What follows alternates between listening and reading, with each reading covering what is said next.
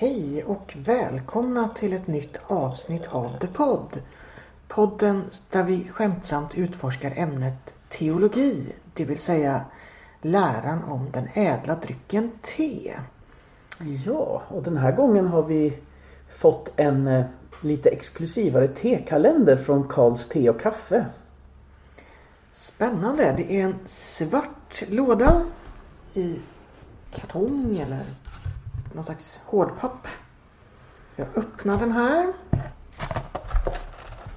Den innehåller rena teer, det vill säga teer som inte är smaksatta med litet undantag. Det finns ett jasminte i kollektionen faktiskt. Ja, men jasmin är ju en traditionell kinesisk smaksättning så det hör ändå till tycker jag. I den här lådan så finns det fyra fack med små plastpåsar. Och i dem ligger teet. Påsarna är numrerade med siffror och så står det namnet på teet också. Det är 24 teer. Vad jag bedömer så räcker varje påse till två personer. Och det är perfekt för det är ju jag, Eva och Martin som ska prova oss igenom det här. Precis. Och så följer det med en stor praktisk bra tesil också i lådan. Och teerna de är liksom alla tänkbara varianter. Det finns svart te naturligtvis. Det finns grönt, vitt och långte. Eh, och är även en påse yerba mate faktiskt som är ett örtte från Brasilien. Och de övriga teerna kommer från flera olika teländer runt om i världen. Varav flera ovanliga teländer för oss. Mm. Du glömde säga att det fanns ett gult te med också. Ja, och det är ju nästan det allra mest exklusiva. För det är synnerligen ovanligt att man får tag på gult te i Sverige. Det här känns ju som en exklusiv kalender tycker jag. Om massor av spännande teer. Och vi börjar med ett stort teland som kanske inte är så känt här i Sverige. Det är Turkiet. Ja, och som uppenbarligen är ett stort land och alltså både konsument och stor exportör. Och jag hade imponerande nog aldrig ens hört talas om att man odlade te i Turkiet. Jag visste ju att det, att eh, det är en populär dryck i Turkiet. Men jag hade ingen aning att de hade egen odling. Det är en ganska sentida odling faktiskt. Den kom igång på 1900-talet. Det gjordes ett försök i slutet på 1800-talet. Men det var först på 1900-talet som det lyckades med teodlingen. Teet kom till Turkiet från Kina via Sidenvägen. Och Eh, ryssarna var de som försökte sig på teodling i Turkiet först. För att de hade börjat odla te i Georgien. Med framgångsrikt resultat. Men det gick inte så bra i Turkiet. Idag så dricker man te i Turkiet ofta och gärna. Du bjuder dina gäster på te. Ja, och det tillreds ofta i en kanna som mycket liknar en samovar. Det vill säga du har en stor kanna där du värmer vatten. Och så har du en liten kanna ovanpå där du häller en liten del av vattnet och tebladen så att du får en väldigt stark brygd i den lilla kannan som du sen spär ut till önskad styrka med vatten från den stora kannan. Du dricker te i små speciella glas med smala midjor. De är tulpanformade glasen. Då ser du teets färg här. Och det är att rekommendera att hålla längst upp på glaset för att inte bränna fingrarna. Ja, ofta har man ett par sockerbitar i också. Det är ovanligt att dricka te med mjölk och citron i Turkiet. Och det turkiska sättet att dricka te det har ju spridit sig över delar av medelhavsområdet. eh, Uppåt Balkan till exempel, till Cypern också. Och det är faktiskt så att eh, te har blivit så populärt i Turkiet som har bytt namn på några städer för att få in det turkiska ordet för te i stadsnamnet. Ja, det är faktiskt rätt kul. Tycker jag. Jag har aldrig varit i Turkiet och jag har mig veterligen aldrig druckit något turkiskt te tidigare så det här ska bli jättespännande. Ja, och jag hade ju som sagt aldrig ens hört talas om att det fanns trots att det tydligen är väldigt stort. Ska jag våga mig på att öppna påsen som har nummer 11? Jag tycker du ska göra det faktiskt. Jag är Mm. så pass nyfiken.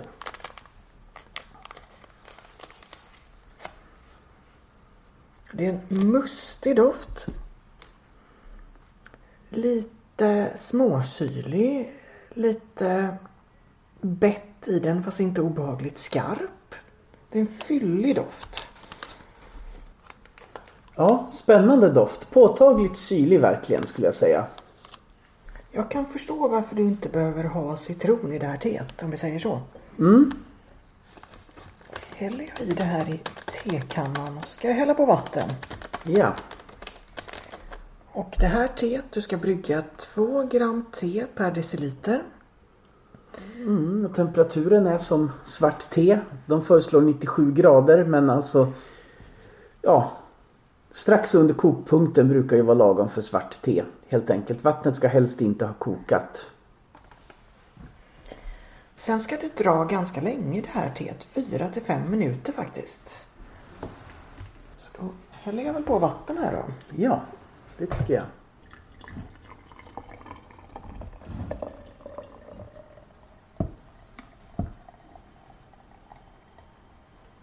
Sätter jag på locket på kannan också. Avvakta i fem minuter. Jag tycker att det är ett roligt grepp av Karls te och kaffe att inte göra en tekalender med sina egna smaksatta teer utan att faktiskt våga lita på att eh, tekonsumenterna är så intresserade av rena teer. Att det håller för en hel kalender. Ja, det här känns ju som en betydligt mer exklusiv kalender än de tekalendrar jag stött på tidigare. Absolut en tekalender som känns värd att rekommendera för du får prova så mycket olika spännande saker här. Och det är roligt att du får prova alla möjliga olika sorters te. Grönt, vitt, svart, oolong. Till och med yerba mate som då vi ska vara lite korrekta här och säga att det inte är ett te. Precis, det är ju ett örtte. Eh, Och sen dessutom från väldigt många länder som man inte hade en aning om att det gjordes te i. Nepal, Vietnam till exempel är ju teländer som i alla fall inte har kommit så många teer till Sverige vad jag känner till. Nej, och eh, Rwanda fanns det ju te från. Alltså Kenya är väl det enda land i Afrika som jag vet har någon större export. Men att det också kommer te från, från Rwanda med i kalendern, det tycker jag är kul. Så är det ju faktiskt roligt att det kommer te från både Kina och Taiwan. Att oolongteet faktiskt kommer från Taiwan i ett fall. Mm. Sen är det jätteroligt att det finns två olika teer från distriktet Darjeeling i Indien. Ett vitt och ett First Flush. Precis. Vitt te är ju en tradition som än så länge eh, har varit kännetecknande för Kina bara. Men det är kul att det börjar sprida sig, att, att fler länder försöker sig på den, den tesorten. Kul med undantaget med jasminte ändå. Jag är lite skeptisk till det just för att det skulle vara rena teer. Men i och med att det är en klassisk blandning så varför inte då? Ja, det är ju såna här Jasmine Pearls. Ett vitt te smaksatt med jasmin som är rullat till små kulor. Det är ju en, klassisk tesort från Kina. Nu har det gått fem minuter. Nu blir det spännande. Det blir det. Ska du vara först och lukta den här gången då? Mm. Tar vi kannan här och så ska jag ta och hälla upp först.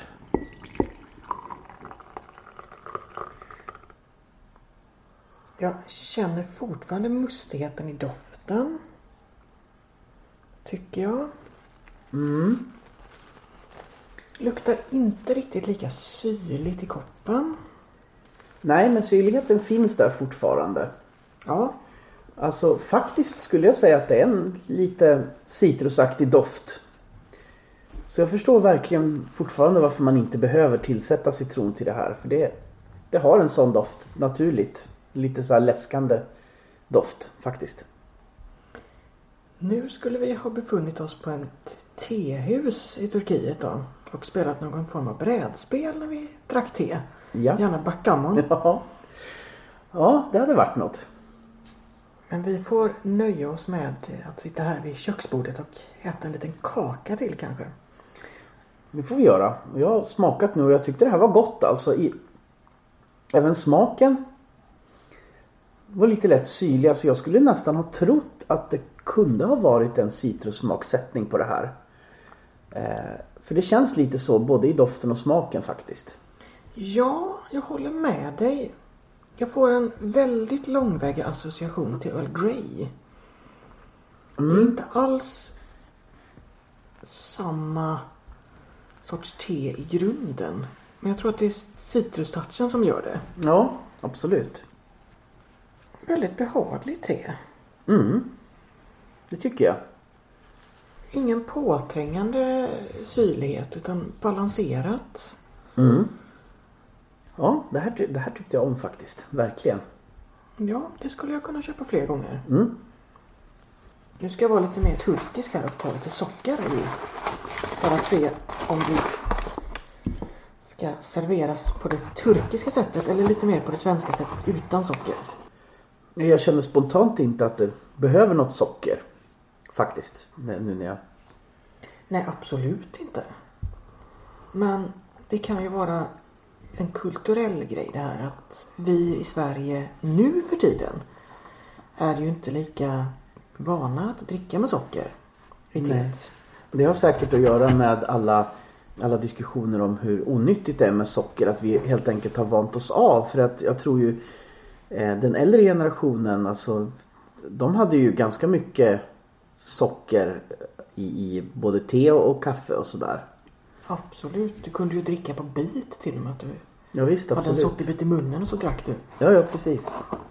Nu ska vi se om jag är turkisk lagd i mina smaklökar eller om jag är skandinavisk lagd. Häller i lite socker här. Jag skulle säga att det här teet är ett frukostte för att det är ganska kraftfullt.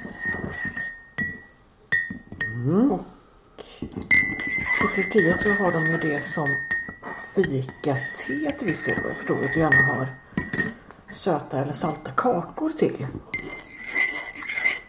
Nu ska vi se. Nu har sockret fördelat ut sig här i vattnet.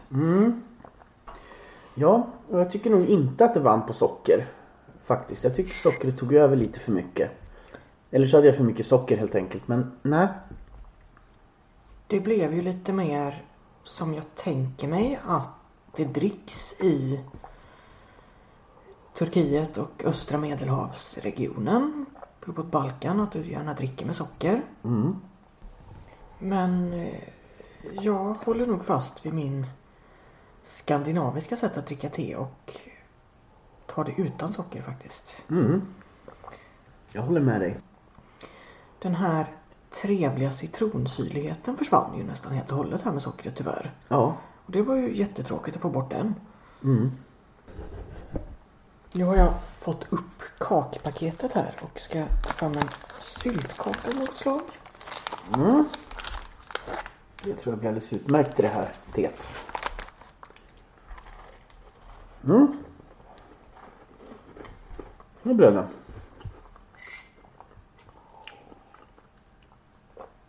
Nu förstår jag sockret i teet. Mm. Då blandar ju sockret och kakans sötma ihop sig här. Mm. På ett bra sätt. Ja. Att de förstärker varandra. Mm. Men om jag skulle dricka det här teet till mat eller frukost eller så eller till någon macka. Då hade jag inte velat ha socker i för det hade bara förstört. Ja. Vi har ju en betygsskala från en överkorsad tekopp upp till fem tekoppar. Och jag skulle sätta en fyra på teet, utan socker. Blandar jag i sockret, ja men då ramlar det faktiskt ner här till en, ja, en trea kanske. Mm. Då är jag snäll. Men det kan ju bero på att jag inte har socker i te särskilt ofta och inte är så van vid det. Nej, jag tror att jag ger faktiskt precis samma betyg. Jag ger också en fyra till teet som det är. Och en trea med socker för det sjönk, det förlorade faktiskt på eh, att ha socker i tycker jag. Wow, nu har jag öppnat nästa te här och det luktar verkligen helt fantastiskt. En fyllig söt doft som påminner lite grann om russin tycker jag. Alltså söt som som någon sån här sött dessertvin nästan tycker jag. Oj, spännande.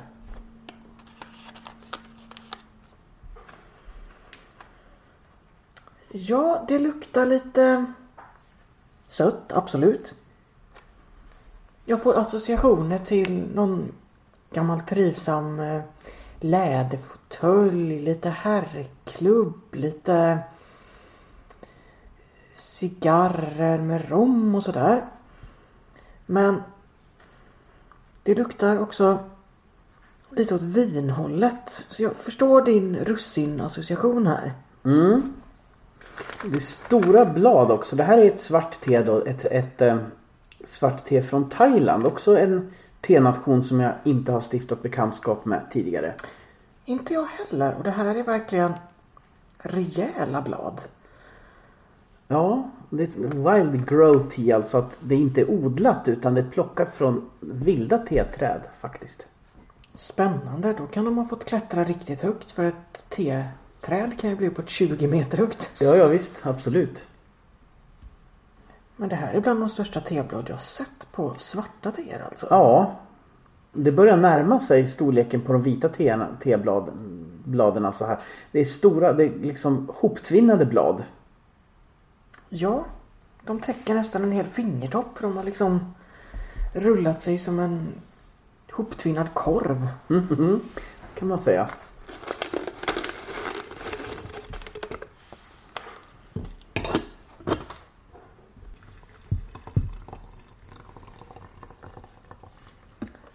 Det här är ju ett svart te. Så det ska koka på 97 graders temperatur. Strax under kokpunkten. Det ska alltså sjuda vattnet bara, inte koka. Och det ska dra i 3 till 4 minuter. Ja. Och det här teet heter alltså Lahu Wild Grown. Det ska bli väldigt spännande att dricka thailändskt te. Det är första gången jag gör det. Ja, det är första gången för mig också faktiskt. Jag hade aldrig hört talas om Thailand som teodlarland överhuvudtaget. Nej. Eh, Det är väl ingen stor tedrickarnation men, men teet eh, kom ju dit med invandrade kineser framförallt från början. Och eh, idag dricks ju något som man kallar för thai-te som då är eh, starkt te med socker och kondenserad mjölk och ibland också stjärnanis. Och det funkar tydligen också bra som iste. Spännande. Ja, någon kondenserad mjölk har jag ju inte. Så det får bli vanlig mjölk. Ja, och anis har vi inte heller. Men men vi börjar att prova det rent som det är tror jag och sen så testar vi med socker och mjölk. Absolut. Jag känner inte druvdoften lika tydligt nu när jag luktar i koppen.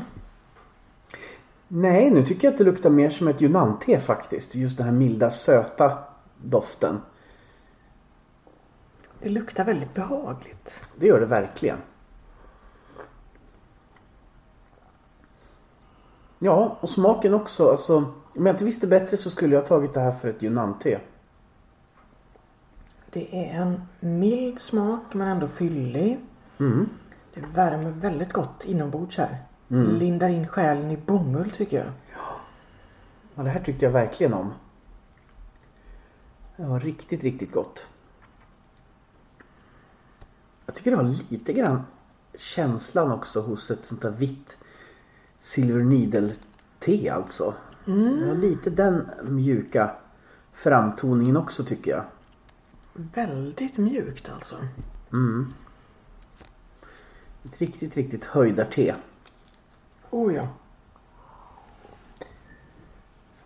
Heder åt thailändarna som gett sig ut någonstans i naturen och plockat hem det här. Mm, det var det väl värt. Ja, det här skulle kunna bli ett av mina favoritteer faktiskt. Tror jag. Ja, verkligen alltså. Det var en omedelbar favorit för mig.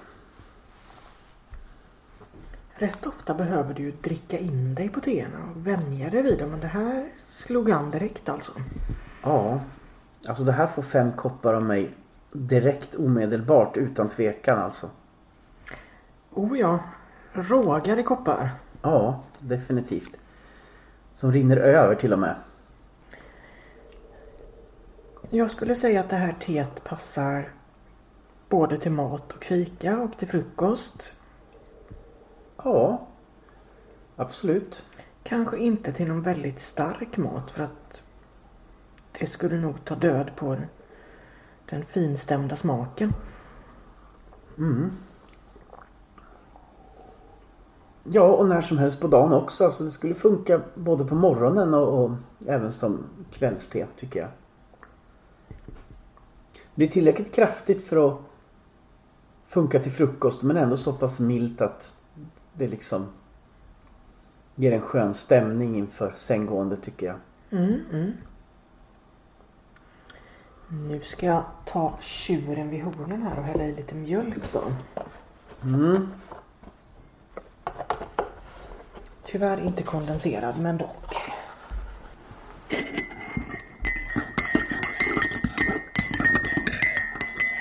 Nu blir det spännande.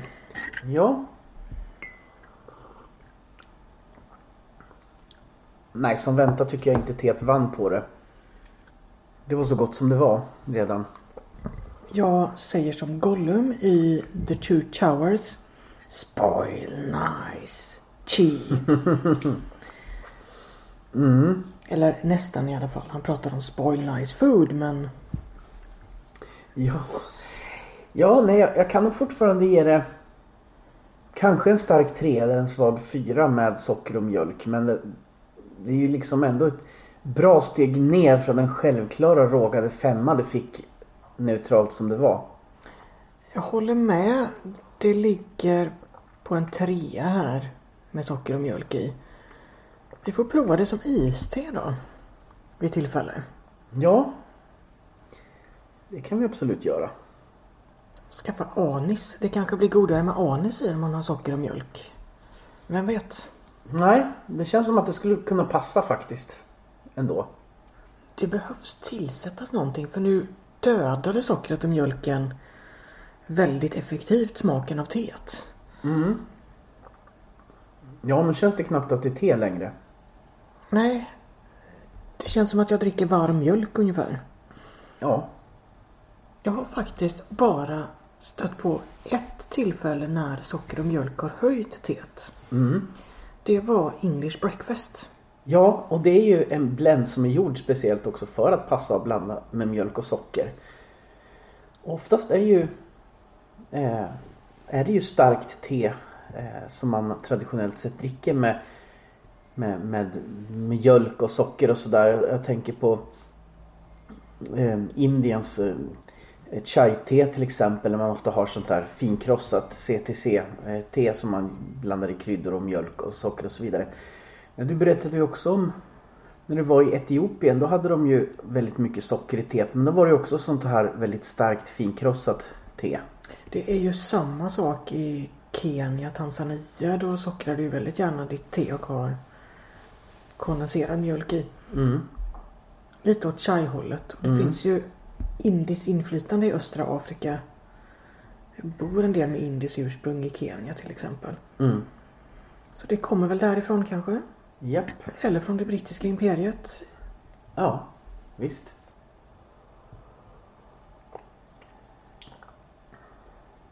Jag gillar ju de här stora bladen att de liksom fick ta plats och fick vara med i sin prakt och inte krossades till ett pulver. Absolut.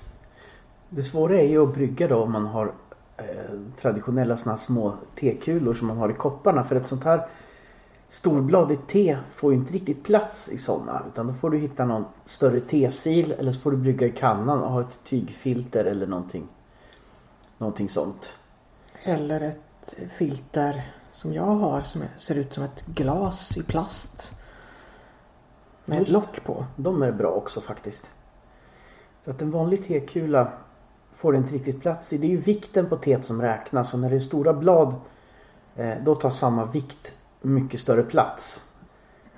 Det är ju därför när man köper vitt te ibland så kan det ju nästan se ut som att det kanske är två eller tre hekto i paketet fast det bara är ett hekto just för att bladen tar stor plats. Jag har blivit lurad av den ett antal gånger i början där jag tänkte men varför tar mitt te slut så fort? Mm, just det.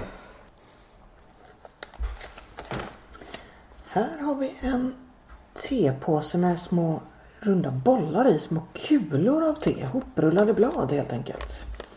Mm. Och också en mustig, ganska kraftfull doft. Lite, lite syra. Lite sötma också. Lite skogiga toner. Mm. Ja. Det här är ju ett oolong-te. Jag skulle säga att det här är ganska lätt oxiderat. Det luktar mest grönt tycker jag, mer än svart. Och det här är ett te från Vietnam. Ytterligare ett nytt teland för mig faktiskt. För mig också. Jättespännande. Det heter Bao Loc Lam Dong. Och Vietnam är ju ett spännande teland för att det sägs att tebusken kanske ursprungligen kommer härifrån. 1825 så började fransmännen att odla te här i Vietnam. Men produktionen har inte riktigt tagit fart. Det har varit en del avbrott på grund av krig och politik skulle jag gissa. Mm. Men nu på senare tid här så har Vietnam vuxit som teproducent.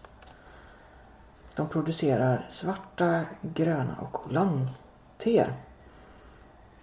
Precis, och det här är ju då ett oolong-te så att vi ska inte, vi ska inte brygga det på 100 grader eller nä, nära 100 grader som svart te utan det här kommer vi att brygga på runt 80 grader. Du kan ju förklara lite mer vad ett oolongte är för någonting också. Ja, ett oolongte är ju ett eh, halvoxiderat te så att säga. Ett grönt te är ju ett te som inte är oxiderat alls. Eh, för det, det värms upp ganska snabbt så att de här enzymerna som startar oxideringen eh, avbryts. Ett svart te får oxidera fullt ut. Och ett oolongte eh, har oftast oxiderat ja, kanske mellan 10% upp till 60-70% någonting. Och jag skulle säga att det här är ett, ett eh, te som har ganska stort grönt inslag fortfarande. För det känns så på doften. Jag skulle tro att det är ganska lite oxiderat. Det är där den här lite gräsiga, lite skogiga doften kommer ifrån. Ja, jag skulle tro det. Jag tycker det luktar som ett kinesiskt grönt te helt enkelt. Ganska mycket. Då ska vi hälla i det här då. Ja. Det blir spännande att se hur de här små bollarna vecklar ut sig när de kommer i kontakt med vattnet. Ja. Det här teet ska bryggas i mellan 3 till 5 minuter. När jag tänker på oolong-te så associerar jag med Taiwan. Eller Formosa som det hette en gång i tiden. Ja, precis. Det är ju det stora landet för oolong-teer nu för tiden. Både när det gäller produktion och konsumtion. Eh, ursprungligen kommer eh, oolong-teerna från Kina som de flesta andra tesorter. Eh, men som sagt idag är det Taiwan som är det ledande landet för eh, den här typen av te. Och nu är det Vietnam vi provar. Spännande. Ja, det är det verkligen. Jag har hört talas om vietnamesiskt te innan och på, i vår Facebook-sida så var det en vietnamesisk tehandlare som hörde av sig och tyckte att ni borde prova vietna, vietnamesiskt te i podden. Och det gör vi ju gärna så kul!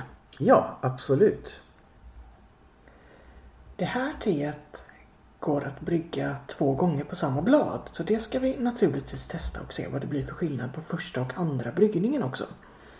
Det ska vi och det går egentligen med så gott som alla tetyper utom svart te. Eh, ja, det blev inte så bra när vi provade på japanskt genmaicha heller med rostat ris. Det blev inte så roligt andra bryggningen. Men annars så sägs det att alla gröna, vita, eh, gula och oolongteer ska kunna bryggas två eller fler gånger på samma blad. Det är spännande att se hur smaken ändrar sig mellan första och andra bryggningen och en del tycker ju att första bryggningen är godast och andra föredrar den andra. Ja, när vi provade kinesisk Longjing så tyckte jag definitivt att andra bryggningen blev den godaste för den blev mildare och de liksom mest kantiga så att säga smakerna hade sköljts bort. Så att det blev betydligt mjukare och behagligare upplevelse att dricka det. Absolut. Det är ju så att i Kina jag tror även i Japan så kan du ha med samma teblad under hela dagen. Så du brygger starkt på morgonen. Så brygger du på samma blad varje gång du tar dig en kopp under dagen. Och framåt kvällen så är det väldigt svagt te. Mm. Det är ju lite spännande faktiskt och miljövänligt i dessa tider. Absolut. Nu ska vi hälla upp här då.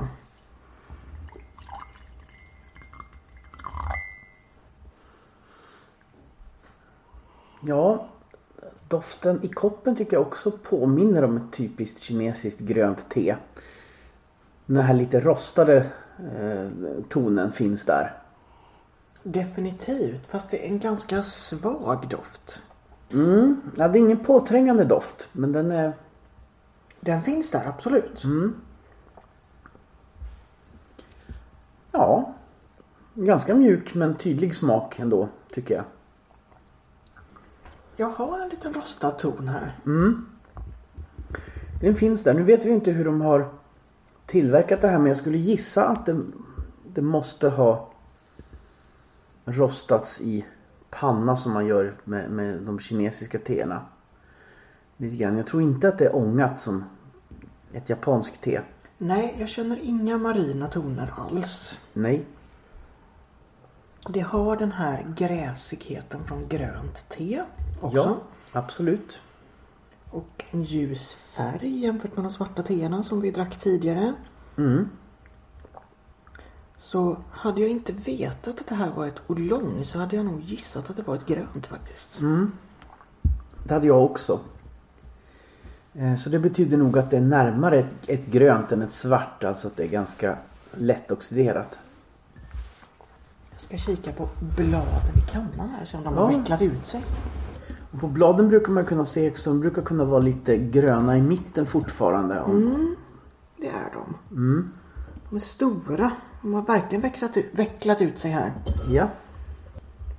Jag tänker mig en skogsutflykt när jag dricker det här teet. Ja, varför inte? Ja, det är faktiskt första gången vi dricker oolongte i The Pod också. Märkligt nog. Det har liksom inte blivit av än så länge tidigare. Vi har provat det. Det har du rätt i. Det var ju på tiden. Mm. Det var det. Tog jag en bit bulle här för att testa om det var gott till. Det funkar men jag tror att det här teet mer skulle passa till mat. Ja, håller med. Faktiskt. Någon sån här, någon sorts ati- asiatisk mat. Mm. Faktiskt. Det skulle vara spännande att prova någonting ur det vietnamesiska köket till det här. Mm. Nudelrätt kanske. Ja. ja, men det skulle man nog kunna tänka sig. Eller om jag vill gå över åt Japan till sushi. Mm. Det skulle nog säkert också funka. Men vi ska ju nu då alltså också testa att göra en eh, andra bryggning på det här. För att se hur smaken förändras.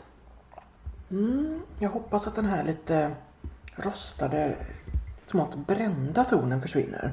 Ja, jag också. För den är jag inte riktigt vän med måste jag säga. Det är tråkigt när den tar över övrig tesmak. Mm. Jo, precis. Det tycker jag är fallet här. Jag håller med. Som det är nu eh, i den här formen så kan jag nog bara ge det en trea faktiskt. Möjligtvis. Ja, nej det får, det får bli en neutral trea faktiskt. På det här som det är nu. Med första bryggningen för mig. Jag tror att det blir tre och lite påfyllning mot en fjärde. Tre och en fjärdedels kopp kanske. Något sånt. Mm. För det är något över medel men inte så högt upp i skalan att jag skulle säga att det är ett gott te. Nej. Det fyller sin funktion som vardags eller måltidsdryck. Ja. Men ingenting som jag skulle längta efter eller känna att det här måste jag köpa igen. Nej. Men det är kul att ha provat ett te från Vietnam och jag skulle gärna prova fler. Varför inte? Absolut. Håller med. Ja, nu har vi gjort vår andra bryggning här och som väntat så, så sköljdes de skarpaste tonerna bort och det blev lite mildare och sötare precis som det blev med det kinesiska Longjing-teet som vi provade förut. Jag håller med. Den här stekflottet eller rostningen den är borta nu. Mm. Så det här var behagligare faktiskt. Ja, Lite tunnare i smaken. ja, Men eh, det kompenseras ju väldigt väl av att den här kantigheten är borta. ja men precis. Så nu börjar det krypa upp i alla fall så att det kan få en tre och en halv av mig. Faktiskt. Jag håller med. Jag landar på samma betyg. Det var en trevlig bekantskap. Definitivt nu andra gången. Men det är inget wow-te för mig. Nej, samma här. Kanske går att eh, höja upp det vid tillvänjning så att säga. Om jag skulle dricka det flera gånger och i Mm. samband med mat. Mm. Men spontant är det nog ingenting som jag kommer att köpa någon mer gång. Nej. Men däremot något som jag verkligen vill ge en femma det är ju den här fantastiska tekalendern när man får chans att prova teer från massa olika hörn av världen, en massa olika sorters neutrala teer. Mm. För jag tänker att de allra flesta är väl vana kanske att dricka olika smaksatta teer. Stöter kanske inte på neutrala te, te så ofta och vet inte riktigt heller var man ska börja och prova. Och det här är en alldeles utmärkt chans att få testa sig igenom det som finns att välja på. Ja, te är ju inte bara te. Har vi verkligen förstått här. Nej, neutrala te kan skilja sig väldigt, väldigt mycket åt vad gäller smak och doft och styrka. Vi kommer att fortsätta att testa olika neutrala teer. Mm. Både från tekalendern och från andra påsar som vi har i våra gömmor. Absolut.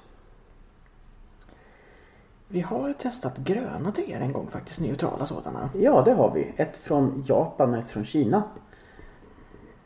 Och då eh, testade vi te till mat också faktiskt. Då åt vi ju sushi till eh, vårt genmaicha som vi provade då.